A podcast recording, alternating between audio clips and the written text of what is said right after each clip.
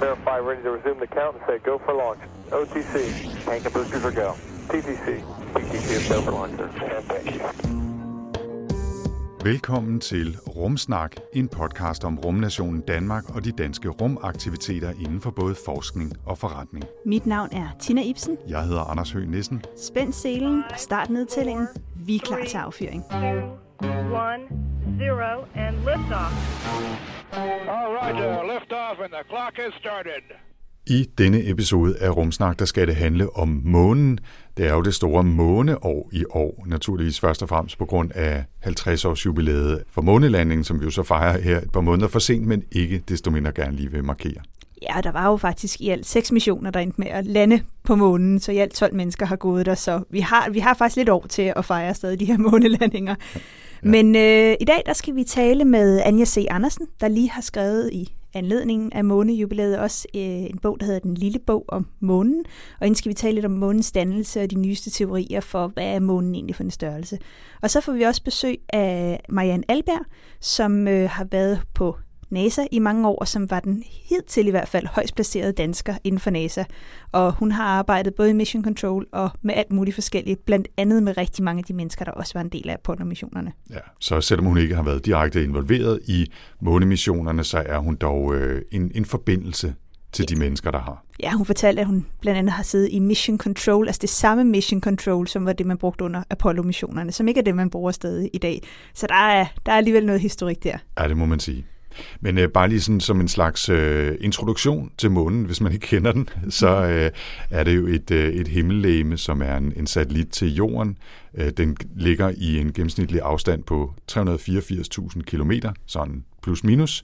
Tyngdekraften er cirka en sjettedel af jordens. Det er jo også derfor, hvis man har set billeder deroppe fra, at øh, astronauterne hopper sådan lidt, øh, lidt kægt omkring og, og kan springe meget langt. Diameteren er 3.476 kilometer, øh, så den er altså noget mindre end, end jorden, men dog en stor satellit alligevel. Det er også noget, det vi vender tilbage til i snakken med øh, Anja Andersen øh, lidt senere. Temperaturen deroppe svinger voldsomt fra helt ned til minus 173 grader, ja endda helt ned til minus 240 grader, ned, dybt ned i, i nogle af kraterne, og så helt op til 127 grader, når solen hamrer ned på overfladen. Ikke? Altså det skal man lige huske at tage højde for, hvis man skal en tur til månen. Ja. Øh, man skal klæde sig på i lag. Ikke? Øhm, det første rumfartøj, som nåede derop, det var det russiske Luna 1, som passerede nogle tusind kilometer fra månens overflade helt tilbage i 59. Øhm, så gik der så nogle år, og så var der jo den første månelanding øh, med øh, bemanding på i 1969 selvfølgelig, og så var der en række af dem, men der er faktisk kun 12 mennesker, som du sagde, der har gået på månens overflade. Den sidste var Gene Cernan, som, øh, som tog afsted i 72, og så har vi jo ikke været tilbage siden. Jeg synes, det er lidt vildt at tænke på alligevel, altså, at det var kun i tre år, at vi sendte mennesker til månen, og så var det bare det. Ja, så besluttede Så vi os for at gøre noget andet. Nu havde Ja. vi været der. Been that, done that, bought the t-shirt, Ja. øh, sat fladet i støvet. Ikke? Præcis. Jamen, jeg må, må sige, jeg er sådan lidt misundelig over, at jeg ikke selv fik lov til, altså nu er jeg jo fra 86, så jeg har altså ikke fået lov til at opleve de her øh, første mennesker på månen. Jeg tænker, det må have været helt særligt at være en del af at have, have oplevet dengang, så det kan jeg altså virkelig godt misunde folk, der var en del eller levede på det tidspunkt, og har set det i fjernsynet. Altså, jeg er fra øh, 71, så jeg er jo lige akkurat født, mens der stadigvæk var øh, månemissioner, men jo var alt for ung til at kunne huske det. Det er faktisk en af de ting, jeg synes er lidt, lidt ærgerligt. Mm. Altså, på den, nogle gange kunne jeg godt tænke mig at være 10 år ældre, for at have ligesom kunne have haft en alder, hvor jeg oplevede 69 og live-transmission og så videre. Ikke? Så, ja, så men, vi kan øh, begge to være misundelige på de lyttere derude, der har oplevet det. ja, og så ja. Vi, vi, problemet er jo i virkeligheden også, at vi så lige præcis er for gamle til med nogen som helst grad af sandsynlighed at kunne blive astronaut og komme med på de næste missioner, ikke? Fordi Ah, tænk for dig selv. Ej, okay, det, jeg ved ikke, hvad du laver i din fritid. Det kan være, du... Jeg lærer russisk, så jeg kan komme afsted. ah, må dog. Ja. Nå, men øh, lad os komme tilbage på sporet. Det første interview i dag, det er øh, som sagt med Anja C. Andersen, der har skrevet en, øh, en bog, den lille bog om månen i anledning af 50-året for den første månelanding. Øh, her fortæller hun både om sådan, den videnskabelige del, men også en masse om nogle af de forskellige myter og konspirationsteorier, der har været både ved månen og månelandingerne. Øh, men det er jo det er videnskaben, der interesserer os her i Rumsnak. Så, så det er altså det, vi har lagt, øh, lagt vægt på. Så, øh, så lad os høre det her interview, vi lavede med Anja her den anden dag. Jeg hedder Anja Andersen, og jeg er ved Niels Bohr Instituttet, hvor jeg er astrofysiker, og øh, har lige skrevet en bog om månen, men ellers er jeg støvnørd. Jeg interesserer mig rigtig meget for støv, så månestøv og interstellart støv og planetarisk støv, støv i alle former. Og din øh, bog, sig lige øh, tre ord mere om den. Øh, hvad hedder den, og, og hvad handler den om? Så jeg har skrevet noget, der hedder Den lille bog om månen, og den handler om månen. Og den handler så rigtig meget om, hvordan vi ved at udforske månen faktisk forstår os selv bedre. Altså, for det er jo næsten måske det, vi mennesker bruger månen mest til, det er, at vi spejler os selv i månen for at forstå vores egen oprindelse og vores eget ophav. Øh, og det kan månen jo hjælpe med at fortælle os om. Så, så den er smuk at skue, men der er faktisk også meget viden at hente om os selv. Ja, og Anja, vil du ikke fortælle lidt om månen? Hvad er det for en størrelse, og hvordan blev månen egentlig dannet? Hvor, den, hvor kom den fra oprindeligt? Ja, det, er jo, altså det, der er mærkeligt ved månen, kan man sige, det er, hvis man kigger på de fire indre jordlignende planeter i solsystemet, som er Merkur og Venus og Jorden og Mars, så er Jorden jo de, den eneste, der har en stor måne, og den er rigtig stor måne i forhold til Jorden. Den er en 81. del af Jordens øh, masse, og så cirka en fjerdedel af Jordens øh, øh diameter. Så man har i mange år undret sig over, hvorfor har vi en måne, hvorfor har de andre ikke en måne. Og så har man sådan haft tre gængse måneteorier, hvor man kan sige, at den ene var, at månen har egentlig altid været der. Da jorden blev dannet, så blev månen dannet sammen med jorden, øh, på samme måde som alle planeterne i solsystemet og månerne omkring Jupiter og Saturn. Men ud fra den teori, så tænker man, hvis det var rigtigt, så er det jo virkelig mærkeligt, at Merkur og Venus, og specielt Venus, der ligner jorden, og Mars ikke har nogen måne. Så, så man har ikke synes, det var en helt god forklaring. Så har man haft en anden teori, som var, jamen, hvad nu hvis månen kom et eller andet sted fra i solsystemet, og den så bare sådan ligesom kom lundende stille og roligt, og så blev den tilfældigvis indfanget i jordens tyngdekraft. Og det kan godt lade sig gøre, men det kræver bare, at den kommer med utrolig langsom hastighed, og et helt bestemt plan på en helt bestemt måde, og, og den skal jo ikke fanges ind af Jupiter eller Saturn eller noget andet på vejen, så statistisk set er det utrolig usandsynligt, at det scenarie kan lade sig gøre. Og så den tredje øh, teori, det er så, hvor man sådan har tænkt, jamen, kunne det være, at dengang den helt nydannede jord, den kun havde to tredjedele af sin størrelse, at så kom der et andet objekt et andet sted fra i solsystemet, som var på størrelse med Mars, og så er de to kloder simpelthen slasket sammen på sådan en måde, så en masse af overfladematerialet fra de to har lagt sig i en skive rundt om jorden, ligesom Saturns ring rundt om Saturn. Og det er så i den skive, at man har fået Øh, dannet månen. Og man forestiller sig dobbelt så meget materiale, som det, der er blevet til månen, lå i den skive, så halvdelen blev til månen, og den anden halvdel regnede tilbage på jorden. Og der kan man sige, at det er nu en særlig god teori, for der var jo ikke nogen for 4,5 milliarder år siden, og lige tjekke, så man kan jo altid postulere, at der var noget, der støtte sammen. Hvordan kan vi så vide, om det er rigtigt? Men der er altså faktisk forskellige observationer, som man har gjort, og specielt med Apollo øh, 17-missionen, den sidste Apollo-mission, hvor de var der i, i fire dage og fik samlet rigtig mange månesten ind, som tyder på, at, at det faktisk giver mening, det sådan, det er opstået. Så det, man forestiller sig, det er, hvis man har sådan et sammenstød, så for at det skal kunne lade sig gøre, og man skal kunne få lavet månen, øh, og man skal kunne gøre det, inden materialet falder tilbage på jorden, så har man kun cirka 100 år til at få dannet den der måne. Og så bliver den altså dannet meget tæt på jorden, så man skal altså forestille sig, at månen har været 40 gange større på nattehimlen, end den er i dag. Og på det tidspunkt, på grund af sammenstød, så har jorden så også roteret hurtigt om sin egen akse, så den har roteret sådan, så et jorddøgn har været cirka 8 timer. Men så øh, med tiden, så har månen trukket sig væk fra jorden, så den fjerner sig altså fra jorden. Og i det, den fjerner sig, så sker der to ting. Et, jorden bliver bremset op i sin rotation om egen akse, så vi går fra de 8 timer, der var dengang, til de 24 timer, vi har i dag. Og to, at månen også bliver bremset op i sin rotation, sådan så at, at vi faktisk ender med en rotation, hvor månen altid vender samme side mod jorden. Det er jo sådan, at månen jo faktisk drejer om sin egen akse. Den drejer sig bare tilfældigvis lige på sådan en måde, så den altid har samme side mod jorden, så vi ser altid kun én side. En af grundene til, at man, man, øh, man at godt kan lide den øh, teori, det er, at man faktisk ved med Apollo-missionerne har haft nogle øh, reflekser, øh, man har sat op på månen, som man kunne skyde laserstråler fra jorden op med, som gør, at man kan måle afstanden til øh, månen med, med utrolig stor nøjagtighed. Så vi, har, vi ved simpelthen med millimeterpræcision, hvor månen ligger i forhold til jorden. Og det har man jo nu kunne gjort siden der, øh, man var oppe i 69. Og der har man altså fundet ud af, at månen flytter sig faktisk 4 cm om året fra jorden. Så, så den er faktisk fortsat på vej væk. Og det forklarer man jo også, hvorfor er månen på vej væk. Jamen det passer jo med, hvis det er dannet ved det samme sted. En anden ting, der er mærkelig, det er, at jorden har faktisk en lidt større jernkerne, end man mener, at, øh, at Venus har og en Mars har. Og det vil give mening, også hvis man den ligesom har fået de to jernkerner, mens månen kun er lavet overflademateriale. Og da månens det, man kalder massefylde eller vægtfylde, altså hvad den vejer per kubikcentimeter, faktisk er 3,3 gram, mens jordens er 5,5 gram. Så det vil sige, at månen er lavet noget, der er lettere end jorden, så passer det faktisk også sammen.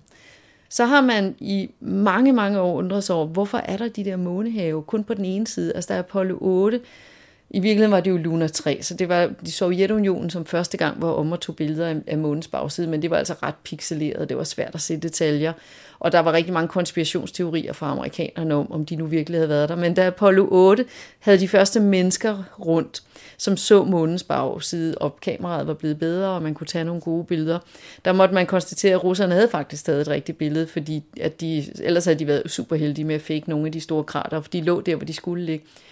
Og øh, der så man så, at månens bagside var markant anderledes end forsiden. Der var rigtig mange krater, og ikke de der månehave. Og der er øh, en af de nye teorier, som jeg er ret stor fan af, men, men det er jo ikke det samme, som den er rigtig. Der er det, at man, at man skal jo ligesom forklare, hvorfor er månens forside størknet senere end månens bagside. Altså hvor, hvorfor er månen blevet kold på bagsiden først? For det er ikke sådan, så mange mennesker tror, at solen kun skinner på den ene side og ikke på den anden side. Altså når solen skinner på månens bagside, så er det, når vi har nymåne, og når den skinner på månens forside, så er vi fuldmåne. Så der kommer lige meget sollys. Så det spiller ikke ind. Men den har jo været tættere på jorden, og jorden var jo en stor lavaklump, og månen var en stor lavaklump. Så det betyder, at den side, der har vendt mod jorden, den er jo over overmilliarderne blevet varmet op af jorden, og den har jo været meget tættere på. Så det, at månen har have på den side, som kigger mod os, det er i virkeligheden vores aftryk på månen. Det er simpelthen det er vores jords varme, der har sat et kæmpestort fingeraftryk på den side af månen. Det synes jeg er en ret smuk teori. Hvilken indflydelse har månen så haft på jorden igennem ja, de der sidste 4 milliarder år plus det løs. Altså, som månen har jo haft den indflydelse, at jorden er blevet bremset ned i sin rotation, og det bliver den stadigvæk. Så månen mister jo, jeg mener, det er et millisekund per 100 år eller sådan noget, så det er jo ikke sådan en stor opbremsning, men, men over, over milliarderne, så bliver det jo dog øh, til noget. Øh, og så er der jo det med tidevand, at, at fordi månen og jorden trækker i hinanden med, med gensidig tyngdefelt, øh, og det er nemmere at trække i havene end i kontinenterne, så oplever vi jo tidevandet simpelthen, at havet det stiger og falder. Så, og det kender man jo, hvis man har været ude ved kysten, hvor, der, hvor kysten har sådan en beskaffenhed, så det er nemt at se, at der er tidevand, og det er typisk noget med, at man har, man har en lidt flad kystlinje. Linje.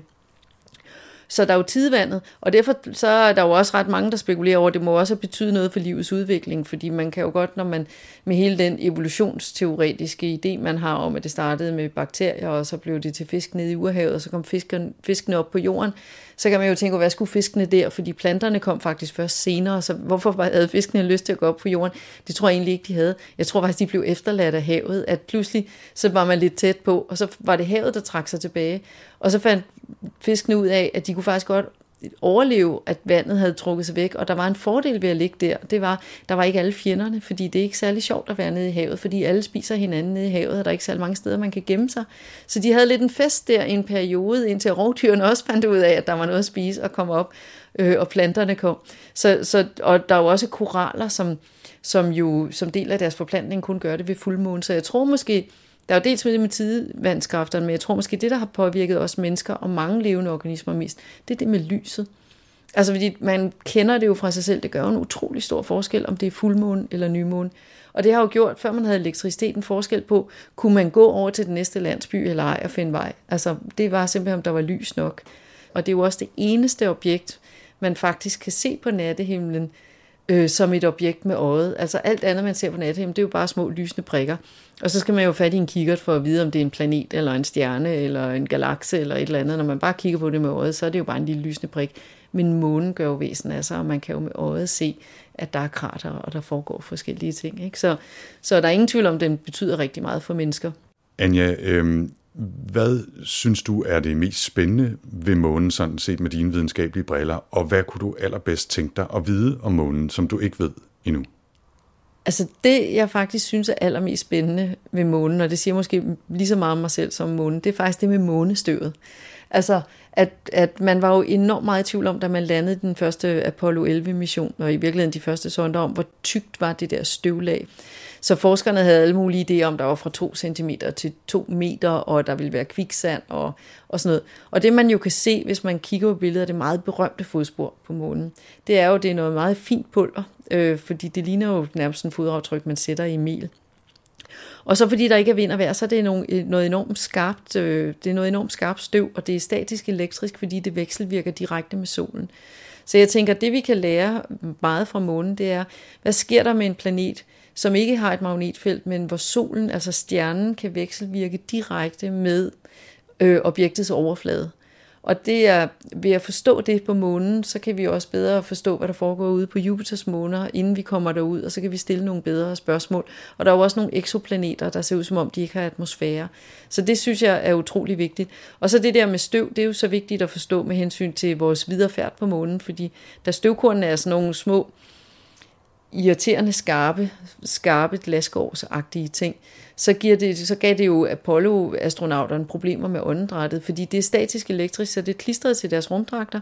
Når de så kom ind i månemodulet til rumdragten af, så fordi der var atmosfære og fugt i, øh, i luften inde i, inde i rumkapslen, så faldt alt støvet af rumdragten, fordi så blev det neutralt, så var det ikke statisk elektrisk mere, klistrede ikke til rumdragten. Når de så lettede og var i vægtløs tilstand, så fløj det rundt, og så indåndede de det, og det gav alle mulige problemer med deres elektriske installationer. Hvis vi skal op på månen, hvis vi skal have en månebase, hvis jeg skal have mig et observatorie, så skal vi altså forstå, hvordan vi på en eller anden måde håndterer det der støv. Fordi sådan noget støv, som er statisk elektrisk og skarpt, og som slider hul i din rumdragt, som du får sundhedsskade af indånden, det skal man ikke kæmpe sig af. Det skal man altså forstå ordentligt, hvis man ligesom skal kunne, kunne leve med det på en eller anden måde. Altså, det får sådan uh, Saharas ørken, og det støv, der er dernede, til at ligne sådan en ren uh, socialdemokratisk skovtur. det var godt billede. Ja, Anja, nu siger du så, at, at meget af den forskning, der har været, har været på baggrund af de her prøver, der blev taget, særligt ved Apollo 17-missionen. Er der ny viden om månen? Er der nogen grund til, at vi tager tilbage og får flere prøver, eller er den forskning ligesom gjort og færdig?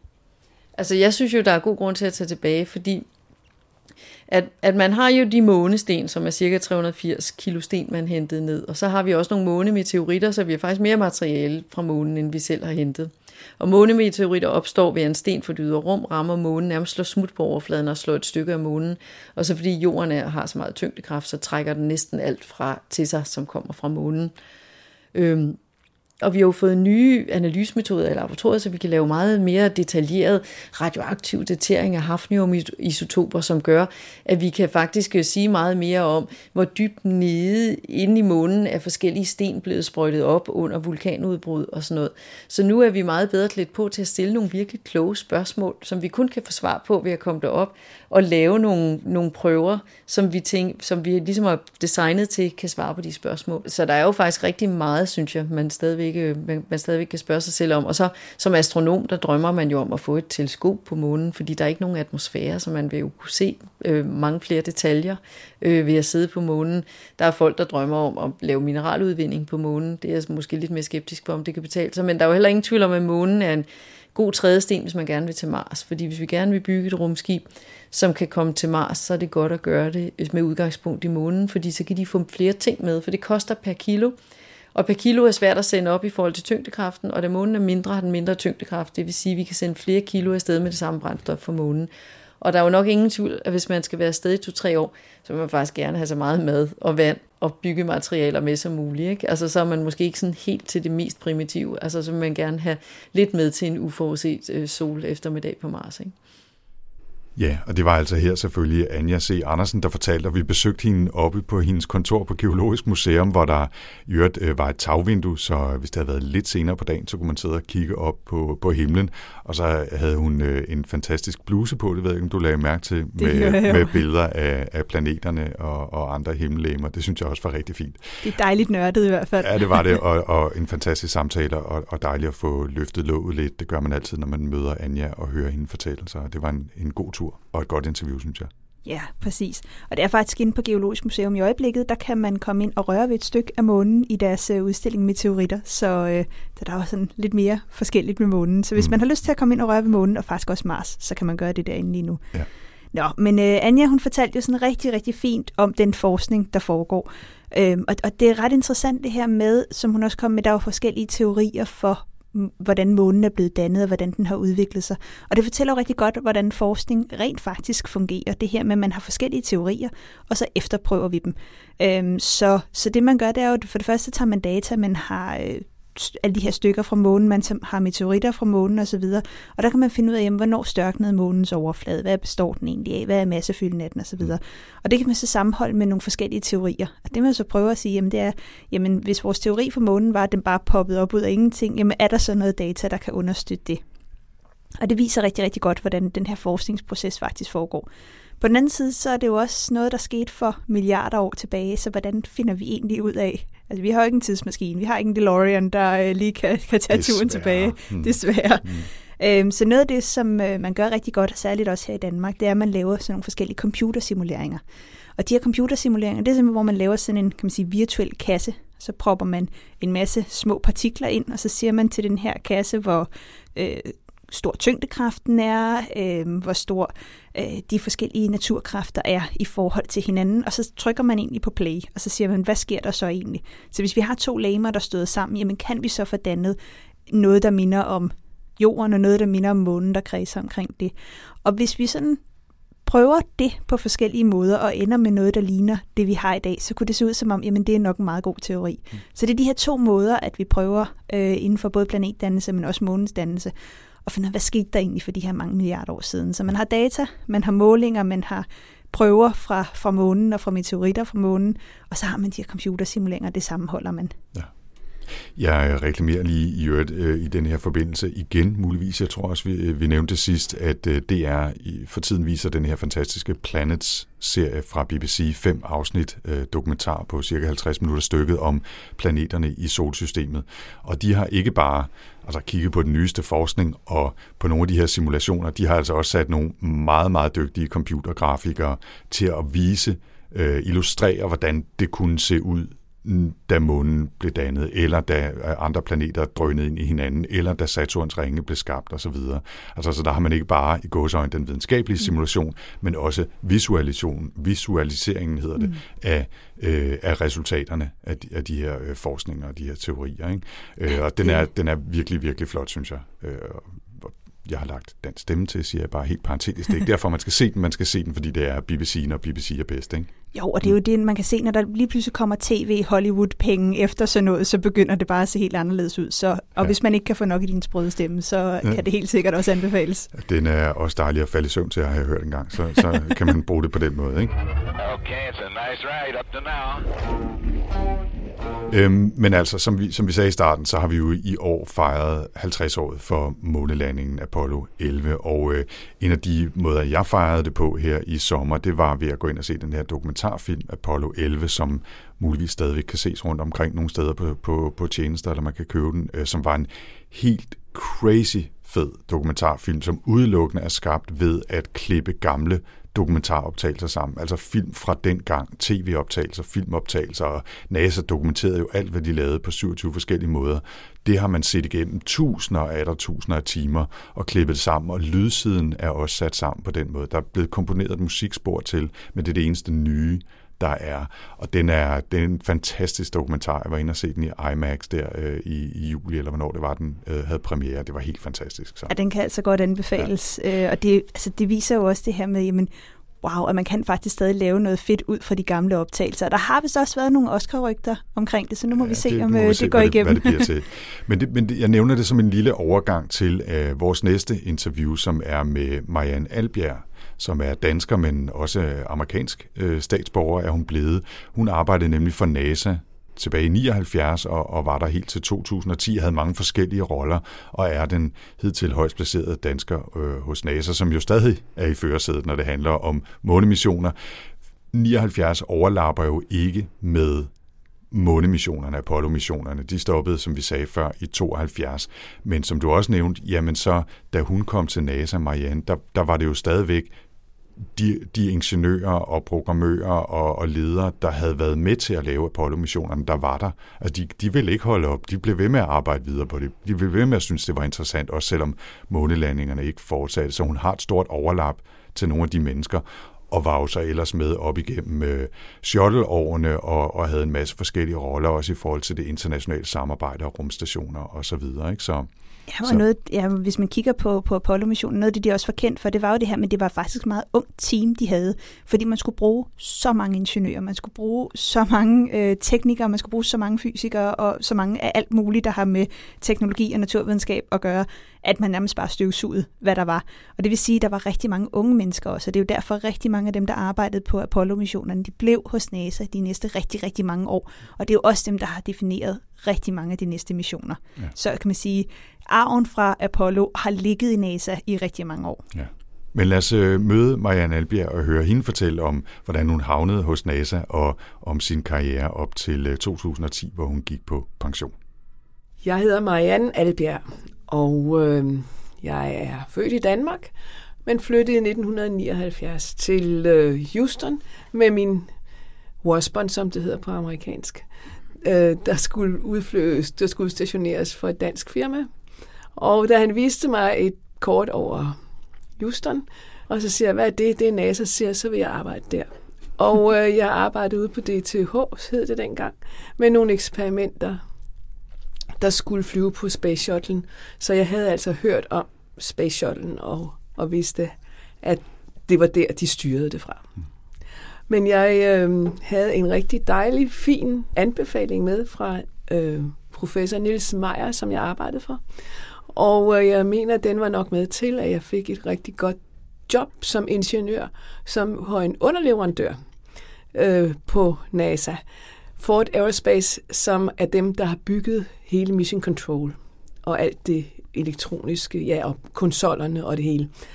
Så øh, jeg blev ansat som ingeniør, og de første to år var det jo ikke andet end uddannelse for mig faktisk, fordi jeg kom i 79, og den første flyvning var først i 81.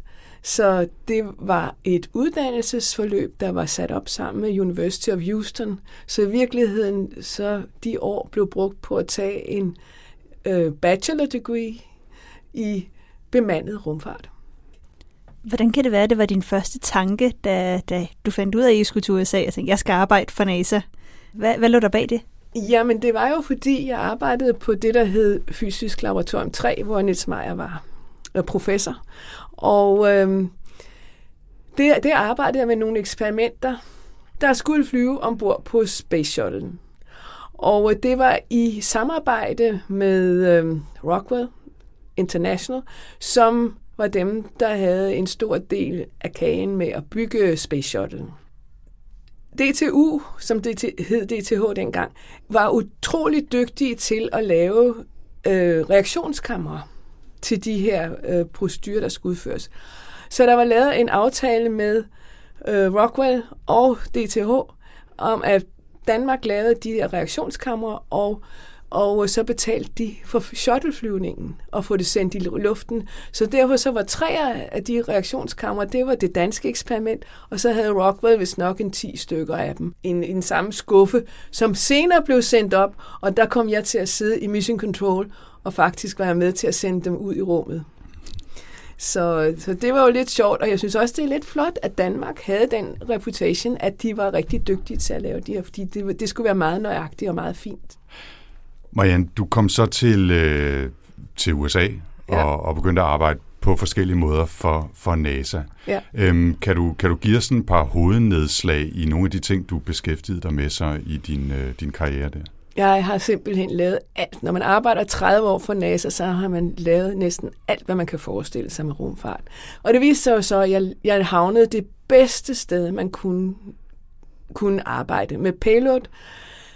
Payload, det er jo de eksperimenter, der ikke hører med til shuttlen, men som skal fungere og skal have interaction med shuttlen. Så man skal sådan set kende til shuttlens systemer, og så skal man hele tiden opdateres, fordi hver gang man har, er færdig med sådan et eksperiment, så kan man jo starte forfra, fordi de skifter hele tiden. Hvorimod, hvis du kun arbejder et system, propulsion eller eller øh, noget andet, så, så er det det samme på den næste flyvning. Så det var et meget spændende sted. Og mit kontor, det var på øh, tredje sal i bygning 4 på Johnson Space Center. Og øh, det var der, hvor alle astronauterne sad. Fordi vi skulle netop arbejde meget sammen, fordi eksperimenterne, det, dem skulle de udføre i rummet. Så der skulle man øh, virkelig kende hinanden for det første, og man skulle virkelig vide, man skulle kunne tænke hinandens tanker. Men så øh, kom jeg til at arbejde med International Space Station. Den hed faktisk ikke International Space Station den, dengang. Den hed Space Station Freedom. det var Amerikas rumstation. Og der kom jeg så til, fordi som de sagde, du er jo international, for du er ja. Så øh, jeg kom til at arbejde med alle øh, de andre øh, lande, der var med i, i, øh, i Space Station Freedom. Og det var jo Canada, som lavede armen, og så var det øh, Japan, som øh, lavede et modul, ESA lavede et modul, og så var der Italien, de var meget progressive. De, øh, gav, de var virkelig interesserede i rumforskning, så de, vi fik lavet faktisk et, et modul specielt for, for italienerne. Så i de år, der fløj jeg en verden rundt. Så det var jo en fantastisk tid. Bare lige for at runde den, øh, den meget hurtige gennemgang af, af din NASA-karriere igennem. Hvornår, hvornår stoppede du egentlig, og hvad lavede du til sidst? Øh, på grund af mit arbejde netop med international, øh, så blev jeg også sendt til øh, Washington et år, for at lære lidt om, hvordan the government fungerer, og og det var jo også spændende. Jeg var nu alligevel glad for at komme tilbage til, øh, til øh, Houston igen. Men så var det, at øh, man lavede Space Station Freedom om til først Space Station Alpha. Der var jeg faktisk med til at formulere den første lille passus, som sagde, at vi skulle arbejde sammen med russerne. Men så gik jeg tilbage til Space Shuttle-programmet, og der havde jeg jo en god baggrund fra Mission Control, og der blev jeg Flight Integration Manager, og det er nok det sjoveste job, jeg nogensinde har haft. Mm. Men øh, siden kom jeg jo så til at arbejde altså, på en, et lidt højere managerial øh, niveau, og det var jo sådan set lidt det samme. Det var bare ikke mig, der skulle sidde i Mission Control hele tiden og, og styre det hele, men overse, hvad der foregik. Og det havde jeg jo en god baggrund for. Du arbejdede så øh, øh, op igennem ja, adskillige 10 år jo i virkeligheden. Øh, i, I, tre, i over 30 år. Ja, præcis, øh, i, i NASA. Hvornår stoppede du, og, øh, og hvad laver du i dag? Maja? Ja, jeg gik altså... Jeg satte mit hus til salg i Washington, og jeg havde egentlig ikke troet, det kunne sælge i flere år, for jeg var egentlig ikke parat til at gå til på pension. Men så solgte det på en uge, og så tænkte jeg, så må det være meningen, at jeg skal til Danmark. Og, og der gik jeg så på pension i 2010. Og øh, og der havde jeg så købt mit ønskehus i Danmark, og, øh, men jeg kan da godt se i dag, at jeg skulle nok være blevet i USA, for jeg savner USA utrolig meget. På den anden side, så fordi jeg var lidt yngre, end jeg egentlig havde regnet med, øh, når jeg skulle på pension, så fik jeg jo mulighed for at komme ud og, og blande mig med DTU Space. Og, og, og jeg var jo helt benovet, da jeg blev spurgt, om jeg ville være med til at være på deres advisory board. Og øh, ja, og de har jo ikke smidt mig ud endnu, så jeg bliver ved så længe de gerne vil have mig.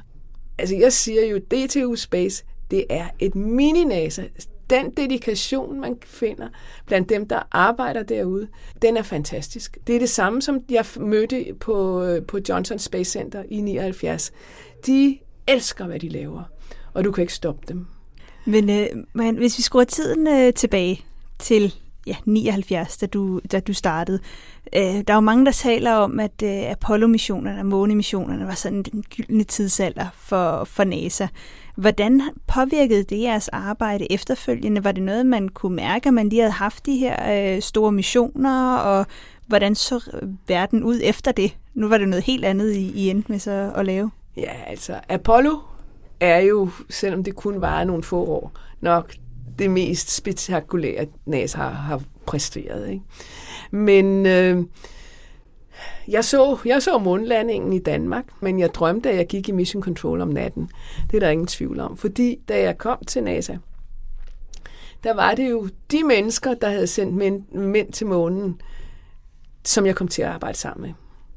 Og øh, der gik et par uger, og så sagde min chef, skal vi ikke lige over og se Mission Control? Og i det øjeblik, jeg træder ind i Mission Control, der løb det mig altså næsten koldt ned ad ryggen. Tænkte, her har jeg været før, men jeg har jo bare drømt det. Men samtidig så var det jo lidt sjovt, fordi det var jo så i, jeg kom i 79, og det var jo så faktisk 10 år efter den første månelanding. Og jeg har stadigvæk den avis, som man udgav på Johnson Space Center, øh, hvor man på bagsiden kan se, hvad vi forestiller os i fremtiden. Og den læste jeg jo selvfølgelig her i sommer. Og der tænkte jeg, ja, der er vi ikke rigtig nået hen. Fordi der, havde, der skulle vi jo allerede have været på Mars nu. Det har vi også med nogle... Øh, vi har nogle øh, øh, små rovers, der render rundt deroppe, og de har jo været fantastiske. Man kan også diskutere, om man skal sende mennesker til Mars, for det er jo ikke øh, et rart sted at være i virkeligheden. Øhm, og hvad kan vi ikke? Vi kan gøre meget med de der rovers, der blandt andet så har har DTU Space jo været sammen med Therma om at udvikle et øh, instrument, der skal sendes op her i 2020, hvor det er specielt udviklet til at kigge efter, om der har været liv på Mars. Og, øh, og det er jo fantastisk, at Danmark egentlig har sådan et, et virkelig godt rumprogram. Det er i verdensklasse, og de laver stjernekameraer, og de laver instrumenter, og de er alle sammen fantastiske. Men det er som om nu, at der er begyndt at komme fokus på, på større missioner igen. Altså der er jo planlagt nogle missioner nu, så, og selvom øh, nogle af dem kommer til at være altså ubemandet i første omgang, ja. formodentlig, så er der jo, taler vi jo 2024, måske 2026 for de næste... Der er aldrig sådan noget, der kommer af til tiden. Men, så, du, du, du tror ikke, det kommer til at ske sådan, eller hvad? Jo, jeg tror på, at det kommer til at ske. Hmm. Men øh, jeg tror ikke, det bliver i 24. Jeg tror, det kommer til at ryge. Altså, både øh, SpaceX, som har sin Dragon, og øh, Boeing, der har sin Starliner, er ikke det nede?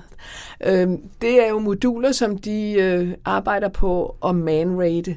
Og det er jo meget fordyrende. Det er jo, altså, man kan sende ting op med sådan et modul, og det er de jo også overlevet og landet igen og taget ting op og, og ting tilbage. Men hvis der skal mennesker ombord, så er det jo et helt andet øh, standard, man skal bygge til. Den første kommer der jo ikke en astronaut med på, men øh, man har vist nok lavet, man har en besætning, der skal afsted første gang med Boeings, men det er jo ikke sikkert, om det bliver Boeing eller om det bliver SpaceX, der vinder den der. Der er stadigvæk lidt space race.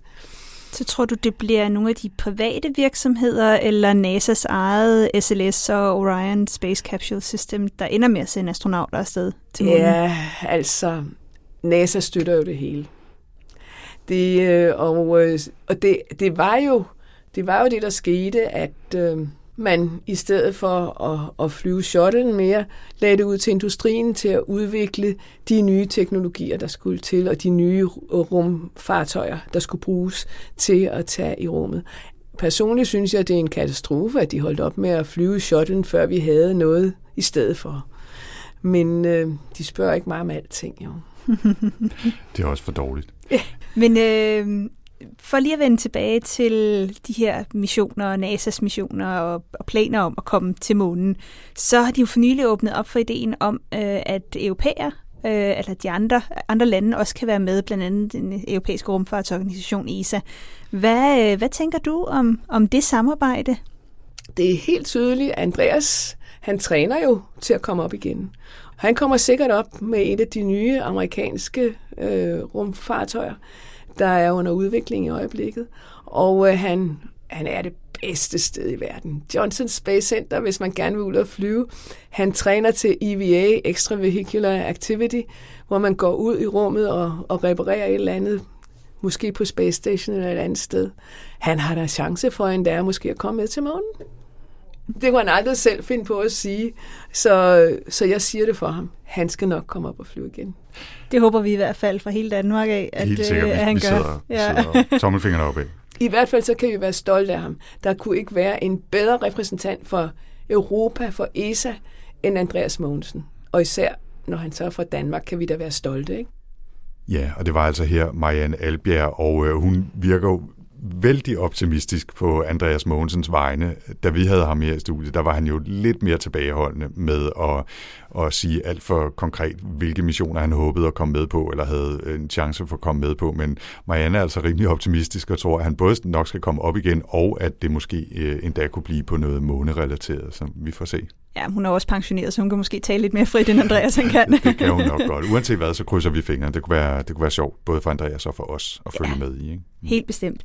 Så månen er altså bare blevet moderne igen. Altså man kan så sige, jamen, er det på grund af 50-året, eller er det fordi, det er ved at være tid til at tage tilbage til månen? Der har været sådan flere omgange, hvor man har talt om månen igen, så var det Mars, der lige var lidt inde, og nu virker det som om, at månen er kommet tilbage. Men inden for forskningskredse har der hele tiden været den her, jamen hvis vi også skal til Mars, så bliver vi altså nødt til at tage et stop på månen. Og øh, der er altså også rigtig mange missioner, der øh, bliver planlagt lige nu til månen. Øhm, så hvis vi kigger på bare næste år, 2020, jamen øhm, så har Kina øh, planlagt to ubemandede missioner. Det er sådan sample return mission, som det hedder, hvor man skal op på månen, tage en prøve, og så få den tilbage her på, øh, på jorden. Og det er faktisk ikke blevet gjort siden øh, 1976, hvor at, øh, der var en russisk mission, der gjorde det. Så det bliver første gang, hvis det lykkes, siden 76, at der har været sådan en mission. Og øh, udover det, så en anden ubemandet mission, det er Lunar Scout fra øh, NASA, som skal opsendes. Og det er sådan en lander, så den skal lande på overfladen og tage en masse tests. Så det er sådan, kan man sige, det er de her måske mere videnskabelige missioner, der, øh, har der skal til månen her mm. næste år, eller i hvert fald planlagt til det. Mm. Så udover det, så er der jo så også de bemandede missioner, eller kan man sige, forberedelserne til de bemandede missioner. Og der ser det ud til, at det faktisk ikke bliver NASA's Space Launch System og deres Orion Capsule, som det hedder, som indtil nu har været det, som NASA har skubbet på, men det faktisk bliver de her private aktører som SpaceX og Boeing, øh, som ender med måske at sende de første øh, mennesker tilbage til månen. De skal i hvert fald begge to øh, teste nogle af deres bemandede moduler næste år.